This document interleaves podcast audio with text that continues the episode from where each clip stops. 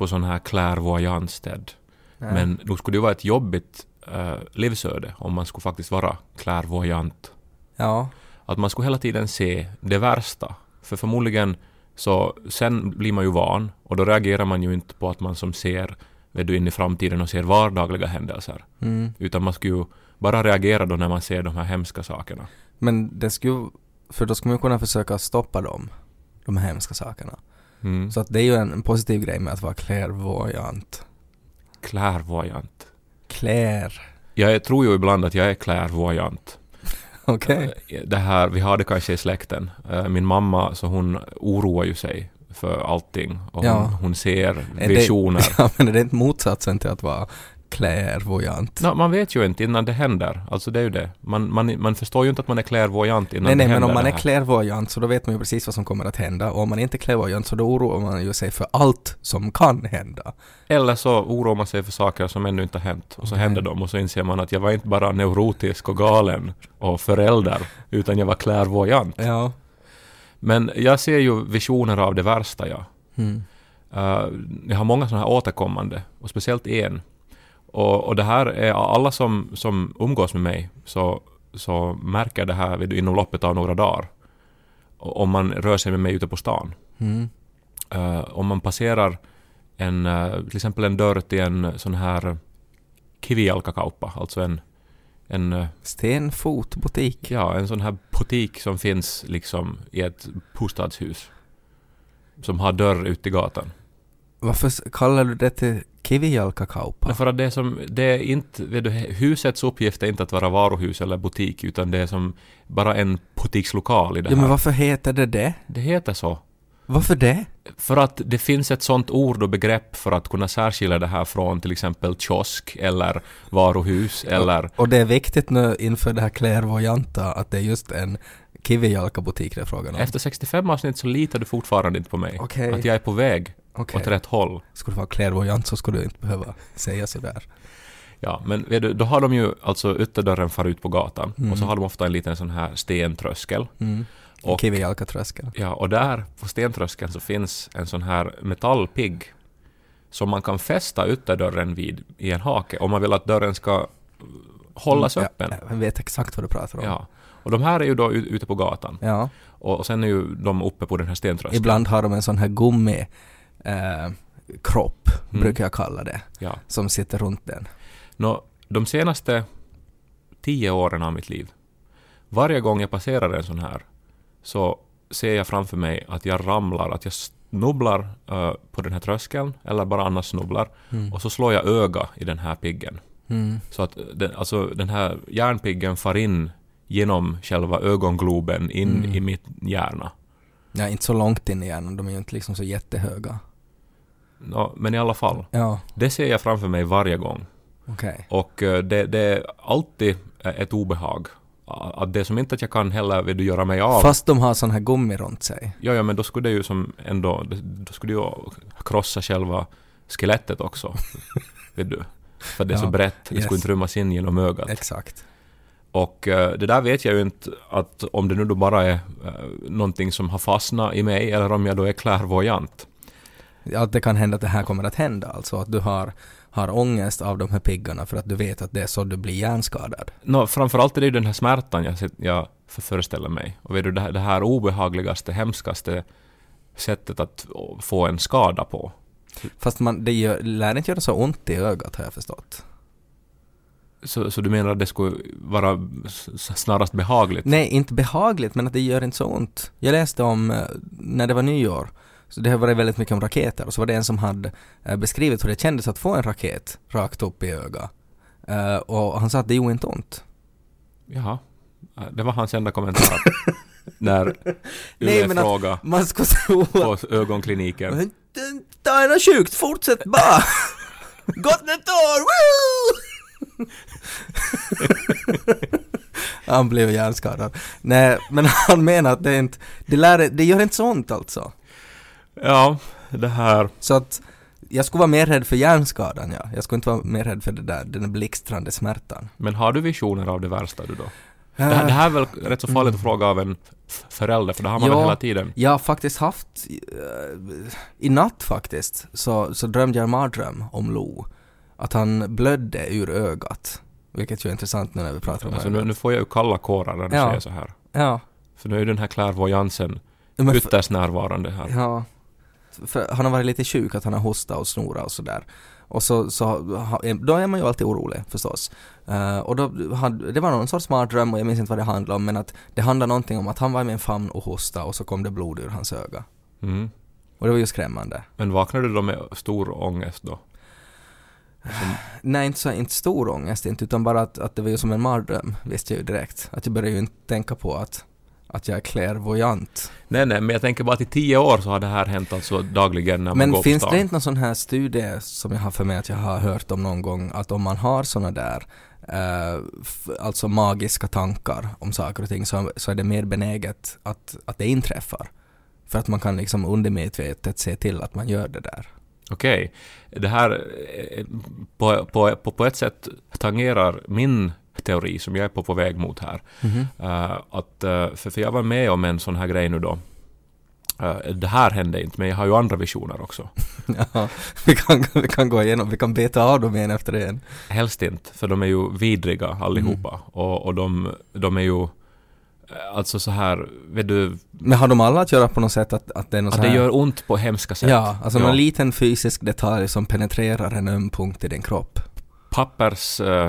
Papperssnitt på tungan till exempel. Ja. Sådana saker. Ja. Jag kan inte se på ett pappersark utan Nej. att föreställa mig det där. Ja, tändstickor i urinröret. Vi var nu då och badade bastu eh, första gången på det här året. Och eh, jag och Niko. Och, och så hade vi varsin öl. Jag trodde faktiskt först att det var du och din mamma. Eftersom jag tänkte att det var någon så här klärvoajant bastu. Det var en helt vanlig bastukväll Jaha. i husbolaget. Okej. Och eh, vi hade varsin öl och eh, jag satte mig ner på den här gamla laven byggd någon säkert renoverad, men ska vi säga renoverad senast på 70-talet. Så den är, den, är inte jättefräsch den här bastun. Nej. Men eh, helt okej. Och jag menar, man är där för att tvätta av sig och den är... Den fullföljer sitt syfte. Ja. Satte oss ner i den fina bastun i vårt hus. Eh, slängde på bad, småpratade, drack öl. Mm. Så blev det ju för varmt som det ju blir till sist. Ja. Och så ska man ju resa sig upp och gå ut och duscha. Ja. Eh, då tänker man ju inte alltid på att det finns springor i bastulaven Mm. och att eh, vissa bastur har sådana lavar där det finns ganska breda springor. Mm. Så det som nu då hade hänt medan jag satt och drack öl och småpratade med Niko, så är att min testikel hade letat sig in genom springan i bastulaven Nej. eh, och uh, ha, haka fast sig på andra sidan. Hur tänkte den? Helt idiotiskt. Och eh, jag reser mig då med besked. Ja. Och den där smärtan var så otrolig att jag måste sen där ute, jag sätta mig på, på golvet och jag såg liksom kärnor. Och sen så måste jag få och spy. För Ja, att det man, gjorde så har, ont. man har ju hört om det där. Så uh, för det första så var det inte en, en jättefint avslut på, vår, för, på, på årets första romantiska Plus att bastukväll. hade väl ingen aning om vad som hände, att du bara stiger upp och så hörs det och så skriker du och spyr. Och kunde ju inte förklara till honom heller. Nej. Det stämmer. Eh, han, han såg orolig ut nog. Ja. Eh, men, men alltså, det här var ju det värsta. Men sen har jag ändå tänkt då efteråt att Att om det skulle vara en sån här liten, så här dörrpigg också där. att nu har ju det här värsta hänt. Nu har jag ju ramlat och slagit i, vet du, eh, Det har, ja, ögat i den här piggen. om ja man säger samma så. smärta. Ja. Så nu hände det där som jag har oroat mig för Mm. så länge. Så jag tror att nu är jag, vet du, osårbar på ett sätt. För att nu har det där värsta hänt. Så att nu är det inget som kan skada mig. Ja, Och att kanske de här, de här uh, vet du, rädslorna man har, så de uh, byggs upp för att bli så enorma, så att sen när de händer, så efter det så blir den här effekten att man är totalt orädd och osårbar. Det där är ju nästan mer alltså ett, ett mycket farligare tankesätt än att man är klärvoajant. Om du på riktigt tänker att nu är du osårbar för att du klämde pungen i bastun.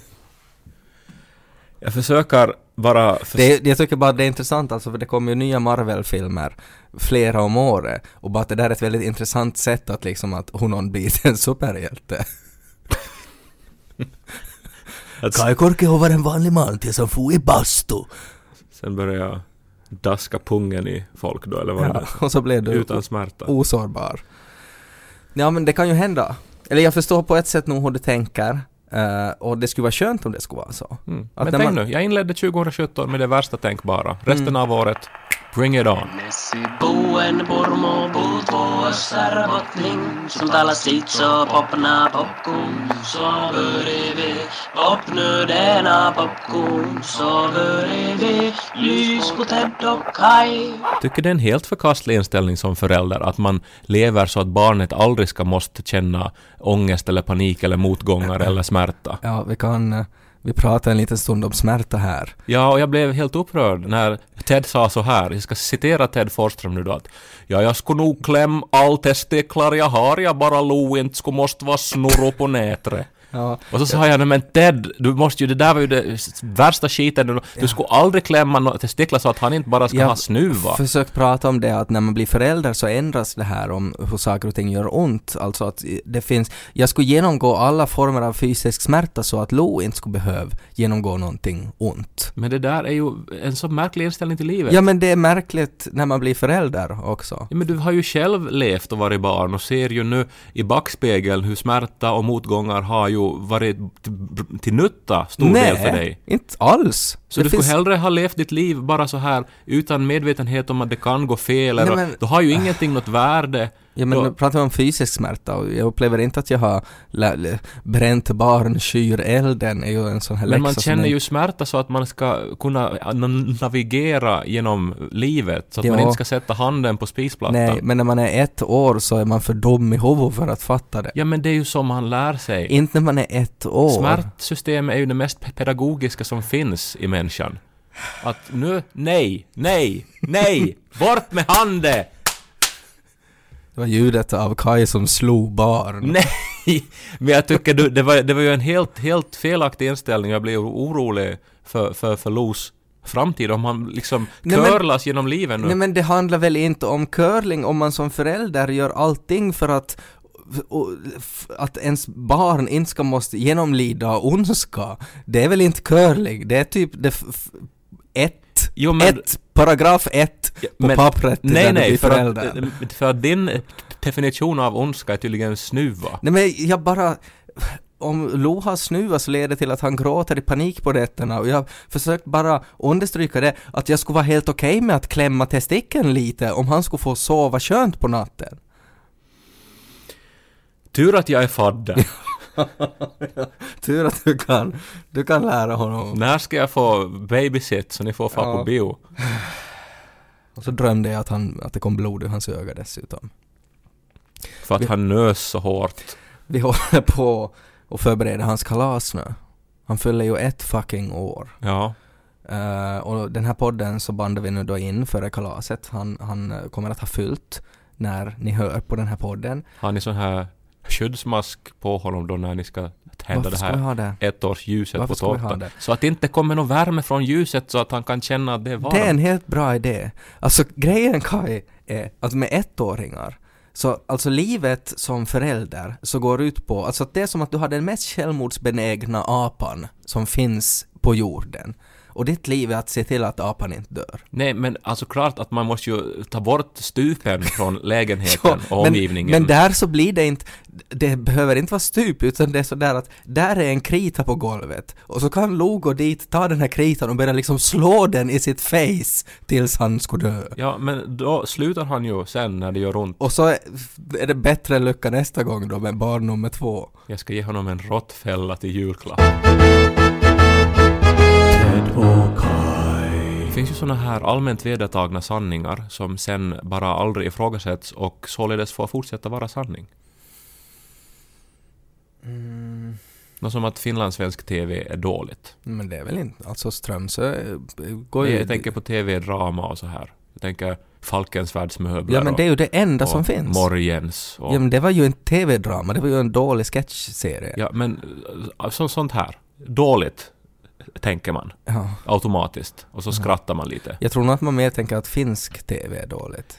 Ja, men finlandssvensk TV är väl också finsk TV på det sättet. Alltså ska vi säga inhemsk TV då? Jaha.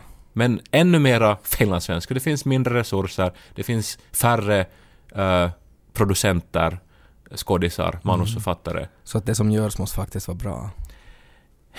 Men nu då har det ju kommit en, en ny serie. Har du sett den? Lola upp och ner? Ja. Nej, jag har inte sett den ännu. Eh, vi såg på den, jag och Niko. Mhm. Och jag vet inte, men, men det har varit en sån här en sån här känsla av, av att någonting, någonting förlöstes i mig. För att det var faktiskt jättebra, tyckte jag. Mhm. Att jag som reagerar helt på att, på att nu är det som allt förlåtet. Eller nu är det här traumat upprätt. Efter Falkens möbler. Efter, efter alla dessa traumat. år. Al- Alltså, alltså den här... Zacharias! den, den, här, den här vedertagna sanningen som, som vi visar sig vara äh, lögn. Och att det på något vis rätar ut år av, av snedvridenhet i min syn på finlandssvensk TV. Eh, du ska se den här serien om, om du inte har sett den. Ja, jag Den har nog tänkt göra det. finns ju på arenan också nu. Ja, Mm. Nu får man väl göra lite reklam för, en- för en Yle-serie. För en Yle-produkt så får man göra reklam. Okej. Det är ju lite skenheligt av Yle nu också. Det är det inte alls. Yle är fantastiskt. Men jag hade liksom trott att, vet du, att orsaken till att finlandssvensk TV-drama är, är så dåligt är, är för att det är så nära. Och vet du att man Så att det blir, det blir liksom orealistiskt. Det blir overkligt. För det blir fel. Alltså det borde ju vara hyperrealistiskt när det är nära. Ja. In, in? Men att det är också det att för att man lever i den verkligheten så märker man genast Man märker direkt att okej, men så där skulle ingen säga därifrån. Ja, och så här, sku- så här gör man inte där. Mm. Och, och så... Ja, Mm. exakt. Möss kan ju inte prata och kan inte ha någon sorts pirat-TV. Och så sån här, vet du, med det här att vara profet i sin egen hemstad också. Ja. Att man är lite automatiskt mera skeptisk när, vet du, eh, någon från, från Man korsar, grannbyn. man korsar armarna och säger att nåja, nu ska vi se då. Ja. Om jag skrattar nå. Men jag tror att eh, orsaken att jag det är bra är att det stundtals var så surrealistiskt. Mhm. Att man alltså la in element av, av sån här riktigt ehm, drömlika saker. Det låter som det är någonting som jag skulle ha svårt med. Men har du sett Twin Peaks? Eh, jag har sett typ halva. Och du gillar den som alla andra? Nej, jag var inte så fascinerad av det. För den har ju också stora element av surrealism och sådana här Ja, drömlika jag vet saker. och det är konstigt för jag, jag älskar ju fantasy. Men jag tycker inte riktigt om... Det funkar inte riktigt. För surrealism är lite sådär som låtsas fantasy. Känns som man måste vara all in om man ska göra det. Vad har vi på surrealism som Filip och Fredrik skulle fråga då? Uh, han den där som målar klockor. Salvador Dalí. Exakt. ja, Han han, har ju en myrslok Jag som tänkte husdjur. just säga det. Och en häftig mustasch. Och han lär ha det här när han skulle första gången t- träffa, han hade ordnat en träff med en sån här eh, modell Mm. eh, som han var intresserad av på något sätt och hon var ju förstås förtjust över att den här kända konstnären ville träffa henne. Mm. Och sen träffades de och det som Salvador gjorde genast var att han hade med sig en hink med blod som han hällde över sig själv. Mm, det är jättebra. Jag undrar om du har berättat det där förra en gång i podden. Det, kan hända. Men, Men det är, det, jag tycker det är jätteroligt det. men surrealism handlar ju då om att man, att man struntar i logik, man struntar Mm. i förnuft, man struntar i moral, man struntar i... Man låter det vara ganska slumpmässigt men vet du mera så som tankar ju rör sig. Ja, men samtidigt är det svårt när man ser på någonting som, som är liksom utarbetat. Att när man ser till exempel på en TV-serie eller en film, så det som ju hjärnan hela tiden försöker göra är ju att pussla ihop handlingen, pussla Mm. ihop vad som händer, okej nu är det det här och det här, det betyder det där och det där och det där. Som när man läser en bok. Och när det blir så realistiskt så är det ju som att någon med flit fittas med det maskineriet. Jo, men det är inte då som din hjärna då när den i sin iver att försöka förstå och få sammanhang så skapar den Nej, den blir, den blir tankar. fittig. För att då är det som att... Den att lär sig något nytt. nej, den lär sig inte något nytt utan det är en Du distraktion. behandlar din hjärna som du behandlar Lo nu. Att ingenting får göra att ont jag eller vara curlar svårt. honom. Ja. Nej, utan det är att om, om min hjärna håller på att räkna får. Och man ser hagen och där är fåren och de kommer, ibland kommer de en och, och, och, och en och ibland så kommer de i stora uh, klungor. Och när de kommer i klungorna är det svårare att räkna. Och ibland så räknar man benen och dividerar med fyra för att hjärnan är konstig. Och så mitt i allt så kommer det en helikopter med en megafon som skriker något om sex och bröst eller något. Så då tittar man ju på det istället och så tappar man totalt räkningen. Och då är det svårt att komma tillbaks till de här fåren sen efteråt och det är det som är surrealism är. Och att det är liksom meningen att det ska fuckas upp. Men konst eller film går ju ytterst sällan ut på att man ska räkna får. Det är ju som... Ja, men det var ju en metafor. Nej men att man ska göra nå någonting... Kaj, det var en metafor! Att man ska göra någonting så äh, repetitivt och simpelt är ju sällan konstens uppgift. Tänk att jag inte ens... Att, att min hjärna insåg nu att det var en metafor. Och att Och- det var inte alls planerat. Och konstens... Surrealismen, för det du beskrev just var ju en surrealistisk scen. Och, men och nu det- blev det ju jättemycket mer intressant än antalet får. Det här varför det kom någon helikopter. med helikopter och, och skrek med megafon. Ja, men det, det var inte liksom bildligt. Men se Lola upp och ner alltså. Ja, men jag tycker också att vi ska göra... För att jag tror att den här surrealismen som fanns i Twin Peaks och som finns i uh, Lola upp och ner är orsaken till att den känns eh, så, eh, så bra, Lola upp och ner. Mhm. Och att- Eller är det för att det blir bara konstigt och att man kan inte sätta fingret på det, vad det är? Så att då säger man istället, ja men det måste ju vara bra då. Jag tycker att vi ska bara lägga in ett ögonblick av surrealism i vår podd, så kanske vi också blir tidlösa. Mhm. Nu då, eller ska det bara komma så jag har alltså, det kan jag göra på olika sätt, men i och med att vi bara ändå har ljud till vårt förfogande Mm. så skulle jag föreslå att vi åtminstone pratar lite franska över en så här eh, sexig, rökig jazzbeat. Och eh, så, så tror jag att det är där. Okej. Excusez-moi, où sont les toilettes Oui, avec euh, crevette. Je suis désolé, mais je n'ai pas de quoi. Je, je suis euh, mm, un euh, petit chou.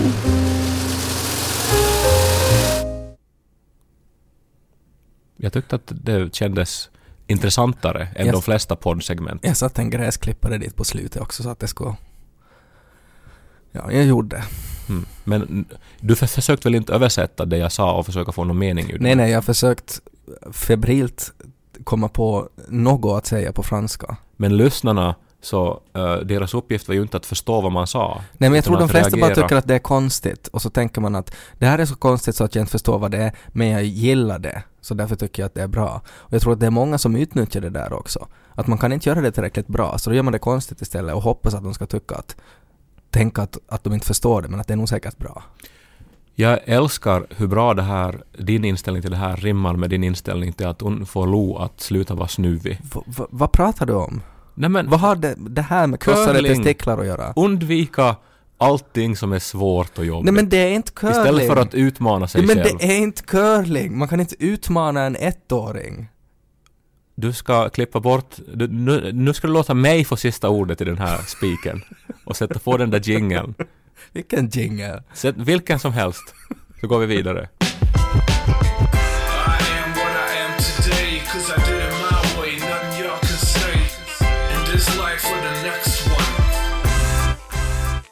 På tal om att göra surrealistiska saker så läste jag om en man som eh, gjorde ett experiment. Eller inte kanske ett experiment utan mer som en surrealistisk grej som jag tror att du skulle gå igång på. Oj. Han stod framför en webcam och räknade till en miljon. Mm. Nå, Hur länge tror du det tog för honom? nå, det tar ju jättelänge. Jag har någon gång faktiskt läst eh, att, hur länge det tar. Tre månader. Jaha, han stod där. Då hade han paus här då. Jag antar att han nog sov och sådär. Men att han, han eh, skulle inte raka sig och han skulle inte gå ut ur sin lägenhet under den tiden. Ja. Det påminner mig om någonting som hände i Jakobstad nu. Det var några eh, kristna som la upp ett tält på gågatan och så läste de igenom Bibeln från början till slut nonstop och hade skiften. Och, och det här var då jättehäftigt tyckte de. Jag tycker ju det är det mest korkade, fantasilösa slöseriet med tiden någonsin. Ja. Nej, faktiskt, i klass med att räkna till en miljon. Nej, det är nästan bättre det. Ja, för då vet man åtminstone ja. hur länge det tar. Ja, för det finns ingen bok som är så sönderläst och söndertjatad och totalt ointressant nu för tiden som Mm. Bibeln just för att den är så läst. Jag, jag, jag menar inte att Bibeln är dålig, men det, det finns ingen point i att läsa den i Jakobstad igen.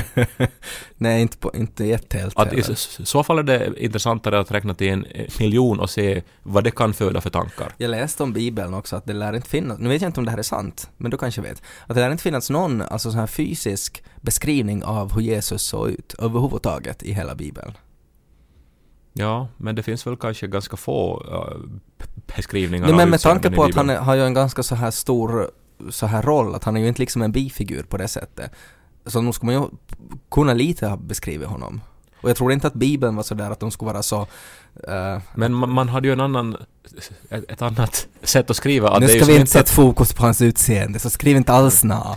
Han var snygg, okej? Jesus kom in i templet. Den gänglige profeten från Nasaret svepte sina mörka lockar bakom öronen och Ja, började men tala. nog ska det ju vara intressant att läsa så också. Nå, om en högstadieelev skulle ha skrivit Nej men bara Bibeln. så här med tanke på att han var, det var en, en, en viktig figur i den där boken, så jag tycker det, det är ju intressant att, att det inte nämns. Plus också med tanke på att han då inte beskrivs, så ser han ju då ut som någon sorts dansk eh, toppmodell. Han var antagligen rätt så grov och muskulös och trasig eftersom han var timmerman och hade Mm. arbetat i 30 år som det innan han eh, då började undervisa och eh, göra sina, sina grejer. Mm. Så han, han, han var ju säkert, vet du, så, så, så, så ut som någon från Wärtsilä. Finns det kvar några möbler som Jesus gjorde? Alltså att man ändå höll på i 30 år, alltså det är ju det är ganska mycket soffor och Tänk pallar. att ha en, en, en sån här, typ en smörkniv Ja. som Jesus har gjort. Ja, man kommer in i någons kök och så är man sådär att vad snygga skåp ni har. Ja, alltså det är Jesus från Nasaret som, som gjorde mina, mitt kök. Åh, vi... Jag älskar det här. Vi sitter ju och letar på auktioner och där står det ju alltid designern faktiskt. Ja. Och, och snickaren. Men det, alltså, det tycker jag också skulle kunna vara sådär att när man försöker hitta det här spjutet som eh, the spear of destiny som, som tog livet av honom och sådär. Skulle man inte istället kunna försöka hitta en, en uh, pulpet som han gjorde? Ja, men Tänk man ärver sånt. Nu ska du sen vara försiktig med det här palla för det är faktiskt Jesus som har lagat.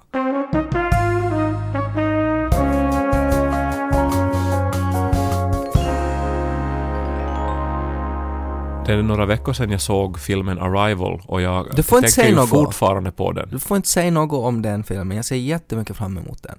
Ja, Sen när Lo... Kanske när han går på trean. och han är inlindad i så här sidenkuddar. Och eh, Eller när han är på sjukhus för att han varit och hälsat på sin fadder. Vad, vad pratar vi om? Arrival, Just det. Säg super något om den. eh, bra film. Ja, jag skulle vilja säga Alltså omtalad med rätta, älskad Mm. med rätta. Mm. Uh, har tänkt på den ända Ja sedan men jag såg den. slut prata om den. Ja, men, den har, men det måste jag ju åtminstone kunna säga, den ju handlar eh, till stor del om hur vi kommunicerar. Ja, det vet jag. Ja. Det var jag som pratade om filmen och sa åt dig att den där ska du gå och se, den är säkert jättebra. Ja. Eh, utomjordingar har ju då anlänt till jorden Ja. och så är det en språkexpert som ska försöka kommunicera med dem. Mm. Och det som då är svårigheten och som hon inser är att eh, de kanske inte har samma koncept om vet du, vad som är eh, jag och du Mm. eller vad som är avstånd, Mm. vad som är tid. Men Att, bara hur man ska kunna tolka att, att okej, att, att, att det är inte liksom sättet som, som jag rör mina händer på, att det är inte det som är själva kommunikationen, utan det är de här vibrationerna i luften just nu, som du hör. Det är det som är mitt budskap. precis. Så, så det, det handlar om hur man kommunicerar utan gemensam erfarenhetsram, Mm. typ. Mm. Och eh, det slog mig bara Att man ska kunna slå dem, att smärta är ju det bästa sättet att kommunicera. Så man ska ha en stor intergalaktisk bastulav och försöka hitta, kanske med nålar, den punkt på aliensen där det gör mest ont. Jag tror att, det skulle, att smärta är pedagog... Jag håller fast vid att det är det mest pedagogiska som finns. Mm. Men eh, det bara aktualiserades den här problematiken för några dagar sedan när vi satt eh, efter en föreställning och pratade med två helsingforsare som hade sett föreställningen. Mm. Och, och de hade gillat den och vi pratade om olika saker men sen kom det fram att de, de inte hade förstått en ganska väsentlig del av föreställningen. eh, vi talar då i den här showen en del om eh, MacGyver Mm. och om eh, hans eh, speciella sorts manlighet. Ja, märk, observera här att Kai behöver inte säga vem MacGyver är. Nej, jag sa MacGyver. MacGyver. det, genast utgår jag från att det väcks associationer. Som att säga Stålmannen, eller Jesus. Som att säga mat, frukost, Ja. alltså sådana här saker som delas av mänskligheten. Mm. Som ju alla mänskligheten lyssnar på den här podden. Mm. Mänsklighetens mest lyssnade podd. Ted och Kai. Men nu då blev det problem. För dessa helsingforsare hade ingen aning om vem MacGyver var, eller Nej, vad MacGyver Jag var. tycker fortfarande att det är helt, helt sinnessjukt. Men då ställdes man ju eh, inför det här samma arrival-problemet. Att, att, att, att nu står jag inför Hur en får man annan art. beskriva hans frisyr? Med bara ord. Om, nej men att man, att, vet du, att man saknar de mest elementära grunderna. Mm. För att om inte jag kan lita på att någon vet vad rö, röd är, eller, Mm. eller grön Nej. eller MacGyver Alltså det- hur det- ska jag kunna prata överhuvudtaget? Det, det där är, jag skulle beskriva det som att det är, det är den här exakta tidpunkten när man inser att jag måste göra slut. det är ju det. För att man inser, alltså att, att, att en sån här viktig beröringspunkt, att om man tänker att en, ett förhållande består av beröringspunkter som håller upp liksom hela det här nätet av ett förhållande. Och att om en sån här beröringspunkt inte finns där, så då kommer det här nätet alltid att, att luta. Det kommer inte att hållas liksom som det ska vara. Och det finns inget... det går, det liksom, tejpen är sönder, det går inte att sätta fast det. Det var, nog, det var nog en kris när eh, det visade sig att Nico inte visste vad ”tire Straits var till exempel.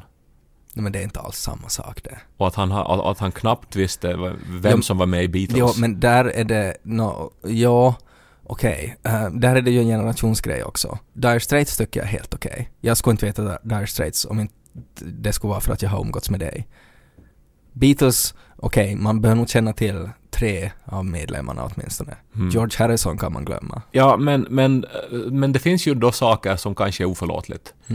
Men nu handlar det inte egentligen om det, utan mera om att Nej men det här sjuka är att hur kan, hur kan man ha levt sitt liv på, den, på samma planet utan att veta vem MacGyver är? Men då undrar vi då att är det någon sån här Helsingfors-grej, att eh, vi har då... Men nu är det ju samma TV i Titta på- Helsingfors. Ja, men vi har ju till exempel haft Sveriges kanal Jo men här i MacGyver har kommit på finsk TV också. Ihmemies MacGyver Yes. heter han där. Mm. Och, eh, och, och, och det har ju sänts i repris tycker jag, Yes. dagligen. Och han var, det var ju, Richard Dean Anderson var ju kanske en av de största, den största TV-skådisen på 80-talet. ja, och den här musiken är ju lika Mm. igenkänningsbar som, jag vet inte, Happy Birthday to you liksom. Mm. Man kan ju, man tappar ju förtroendet helt för en sån människa. Alltså att man, man måste ju, man måste ju gå tillbaka alla andra situationer där man har kommunicerat med den här människan och försöka hitta andra fel, som det ju förstås måste finnas. Om de inte vet vem MacGyver är. Men det, det är också, för om man är på den här andra sidan, till exempel när jag var på den här författarkolonin i New York för ett och ett halvt år sedan, som jag har Mm. pratat om tidigare. Många, många, många, många, många gånger Ja, men, har du humble braggat om den. ja, men där så pratades det hemskt mycket om olika saker och en bok som nämndes om och om igen, som alla hade läst och alla refererade till och alla kunde utan till så var Teds sista ord. Mästaren och Margarita. Mästaren och Margarita. Ja. Och den kom upp liksom så ofta och det var pjäsversioner och filmversioner och folk hade varit till Sankt Petersburg och gått någon vandring till de här ställena och, och, och alla refererade att ja, det här var precis som i Mästaren och Margarita.